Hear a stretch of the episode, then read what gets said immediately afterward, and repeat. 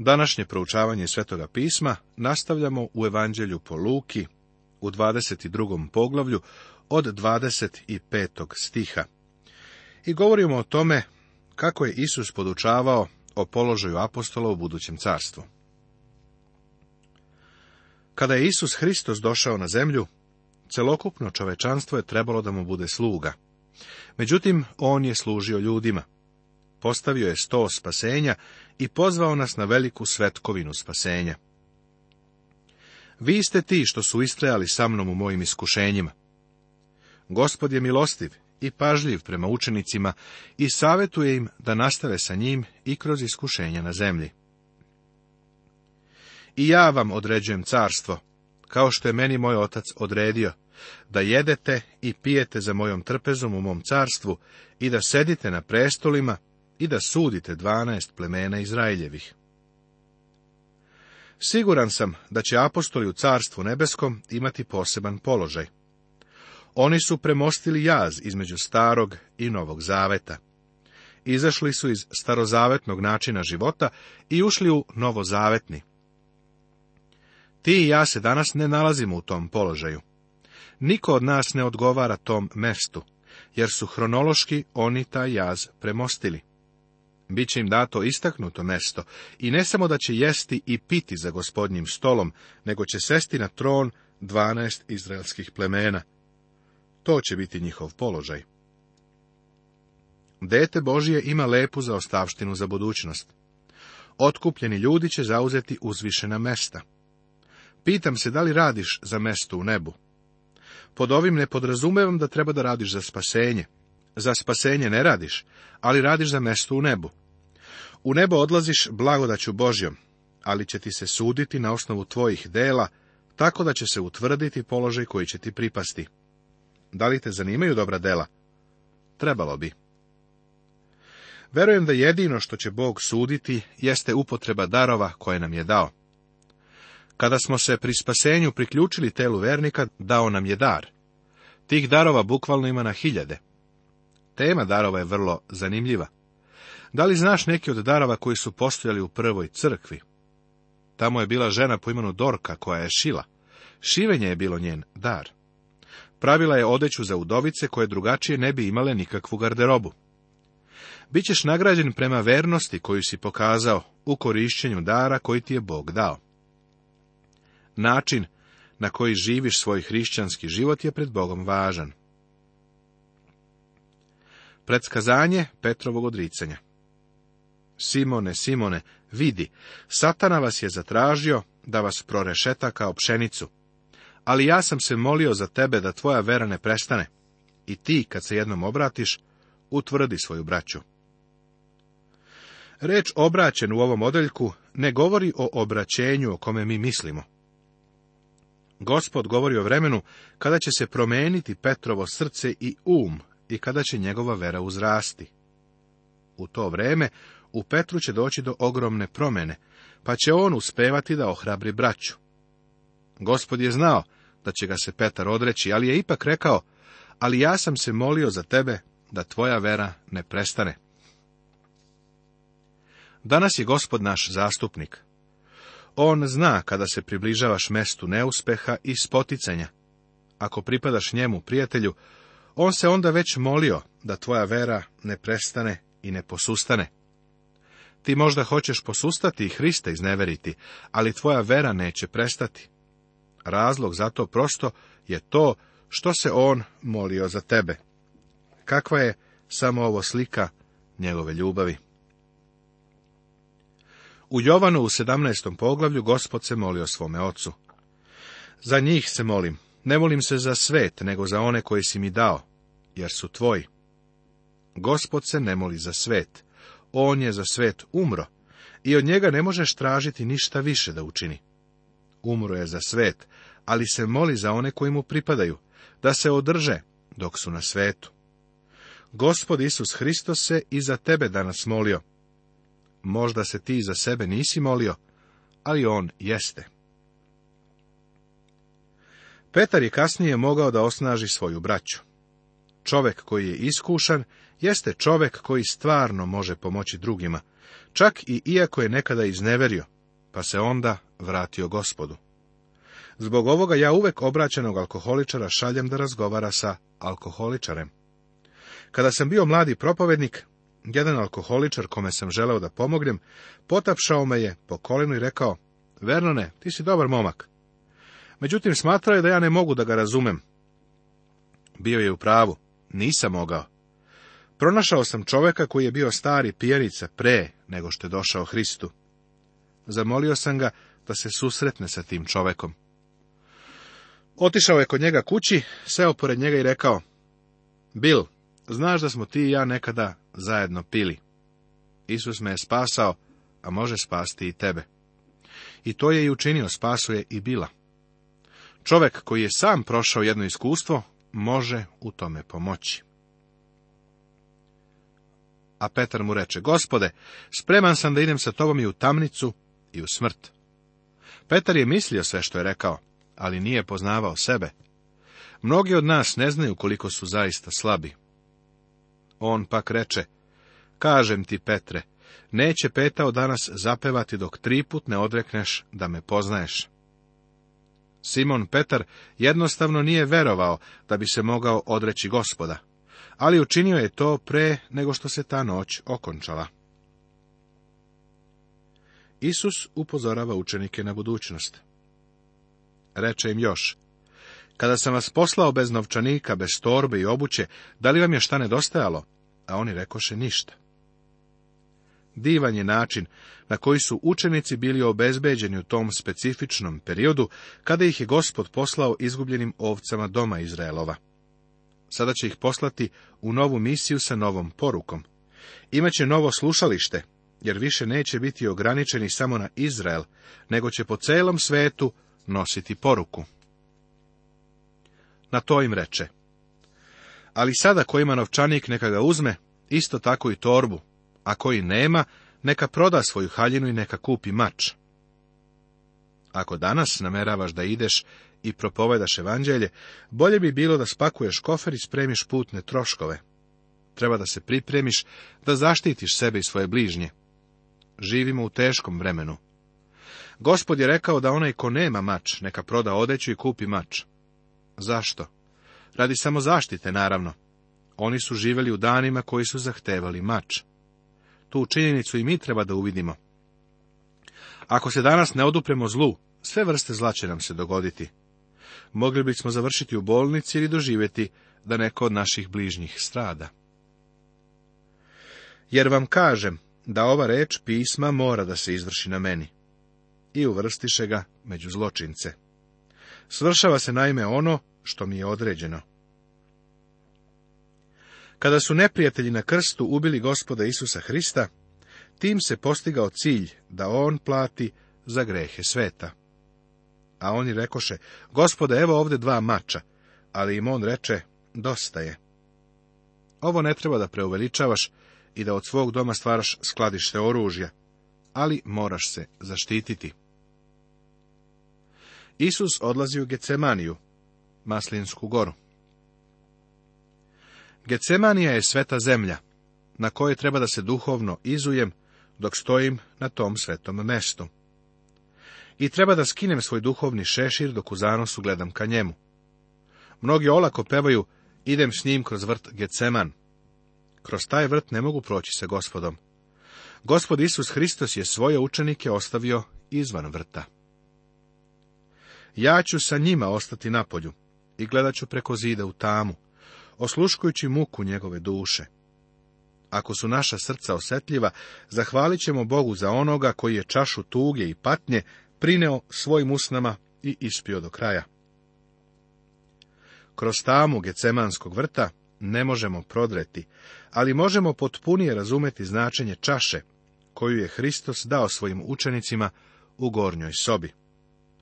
Kad god pijem iz čaše, ona je za mene slatka, on je ispio gorku čašu, da bi moja čaša bila slatka. U tom vrtu je tajna i dubina, a ne mrak i nejasnoća. Dobro ćemo učiniti ako ga proslavimo, dok ga posmatramo u vrtu i shvatimo ono što nam govori. Sada vidimo kao kroz zamagljeno staklo. Gregor Nazijanac je pre mnogo godina napisao, volim Boga jer ga poznajem, obožavam ga jer ne mogu da ga pojmim. Tako, u Gecemanskom vrtu ja slavim i ne pokušavam da dobijem sve odgovore. I izašavši po običaju, ode na Maslinsku goru, a za njim pođoše i učenici. I kad stiže na to mesto, reče im, molite se Bogu da ne dođete u iskušenje. U ovom odeljku postoje dva vrlo zanimljiva izraza. Prvi je i izišavši ode po običaju, a drugi na to mesto. Gospod očigledno nije ostajao preko noći u Jerusalimu. Ovo smo vidjeli u onim takozvalim triumfalnim ulascima. Grad je njega odbacio, pa on sada odbacuje grad. Smatra se da je svaku noć posljednje sedmice proveo ili u ovom vrtu, ili u Vitaniji. Nakon gospodnje večere otišao je u vrt.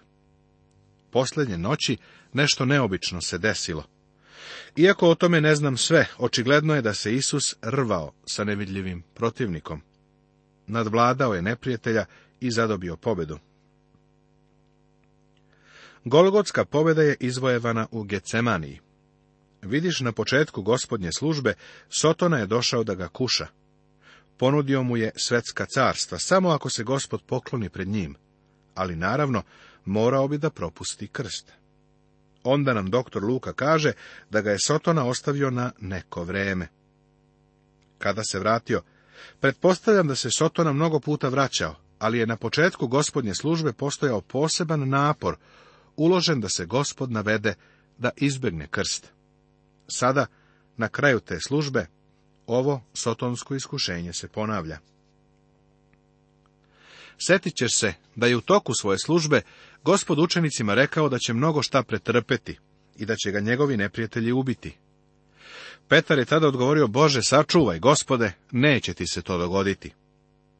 Sećaš li se gospodnjeg odgovora Petru? Gospod je rekao, idi od mene, satano, sablazan si mi, jer ne misliš što je Božije, nego što je ljudsko. Sotonska teologija za Hristov krst nije imala mesta. Sotona mu je došao u Gecemanskom vrtu. U to vreme je gospod rekao učenicima, molite se da ne upadnete u iskušenje. A sam se povuče od njih, koliko se može kamenom dobaciti, te kleknu na kolena i moljaše se, govoreći. Oče, ako hoćeš, ukloni ovu čašu od mene, ali neka ne bude moja volja, nego tvoja koliko možeš baciti kamen? Toliko je gospod otišao dalje od učenika, pre nego što je kleknuo da se pomoli. Molio se da ga mimoiđe čaša, ako je moguće. Ovo je tema koja je prouzrokovala prilično mnogo diskusija. Ima onih koji veruju da se Isus plašio da će umreti pre nego što ode na krst. Ne želim da budem dogmata, ali ne vidim smisao ove teorije. Nije stvar u rimskom krstu, nije vrednost u drvetu, Vrednost je u onome ko je umro. Da je umro na vešalima ili električnoj stolici, njegova smrt bi bila podjednako vredna. Da je Hristos umro u Gecemanskom vrtu, i dalje bi to bila njegova smrt, koja ima vrednost. Mislim da je čaša bila od krsta, a ne samo podnošenje smrti. Čaša ga je učinila grehom umjesto nas. On je svetac Božiji. Kada je moj greh stavljen na njega, bio je odvratan. Ne znam zašto mislimo da smo tako privlačni Bogu. Moj greh stavljen na Hrista je bio odvratan i grozan, bio je užasan, a on se za trenutak pobunio protiv toga. U Gecemanskom vrtu pod cenom krsta, iskušivač je ponovo ponudio gospodu krunu bez krsta. Međutim, gospod je došao da ispuni volju svoga oca, pa je mogao reći, ne moja volja, nego tvoja neka bude. Predao se volji svoga oca, iako je na sebi nosio tvoj i moj greh, koji mu je bio tako odvratan. I pojavi mu se anđeo sa neba i krepio ga je. Anđeli su mu služili kada je gospod kušan u pustinji. Sada mu anđeli služe u Gecemanskom vrtu, kada je Sotona došao da ga ponovo kuša. Jedino Luka beleži ovu činjenicu. I našavši se u smrtnom strahu, molio se još istrajnije, a znoj mu je bio kao kapi krvi koje se slivaju na zemlju. Samo nam doktor Luka govori da je znoj gospodu bio kao kapi krvi.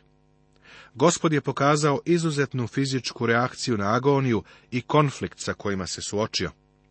Ne mogu objasniti šta se to dogodilo i ne želim ni da pokušavam. Međutim, nisam impresioniran biološkim objašnjenjem koje se danas nudi. Znam da ima nekih divnih hrišćanskih lekara koji su izišli sa zanimljivim objašnjenjima, ali ja i dalje nisam zadivljen. On je za mene prolio svoju krv i ja se pred njim poklenjam u poštovanju i obožavanju. Niko od otkupljenih nikada neće saznati koliko su duboke bile nevolje i koliko je tamna bila noć kroz koju je gospod prošao pre nego što je pronašao svoje izgubljene ovce. Hristovo srce je bilo slomljeno zbog našeg stanja izgubljenosti.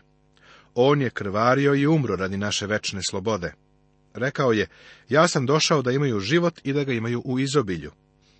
Tako mnogo je voleo izgubljeni svet, da je otišao do samih dubina pakla, da bi ponudio spasenje. A sve prezire i odbacuje sveca Božjega, spasitelja koji je bez mane, a koji je učinjen grehom, radi nas. Da ti postavim pitanje, da li si ga odbacio?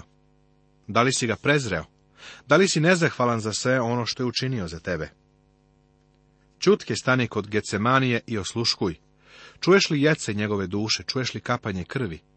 Pogledaj tu u vrtu, pored maslinovog drveta i vidi kako povijen u agoniji i molitvi spasitelj uzima na sebe tvoju i moju ljudsku prirodu.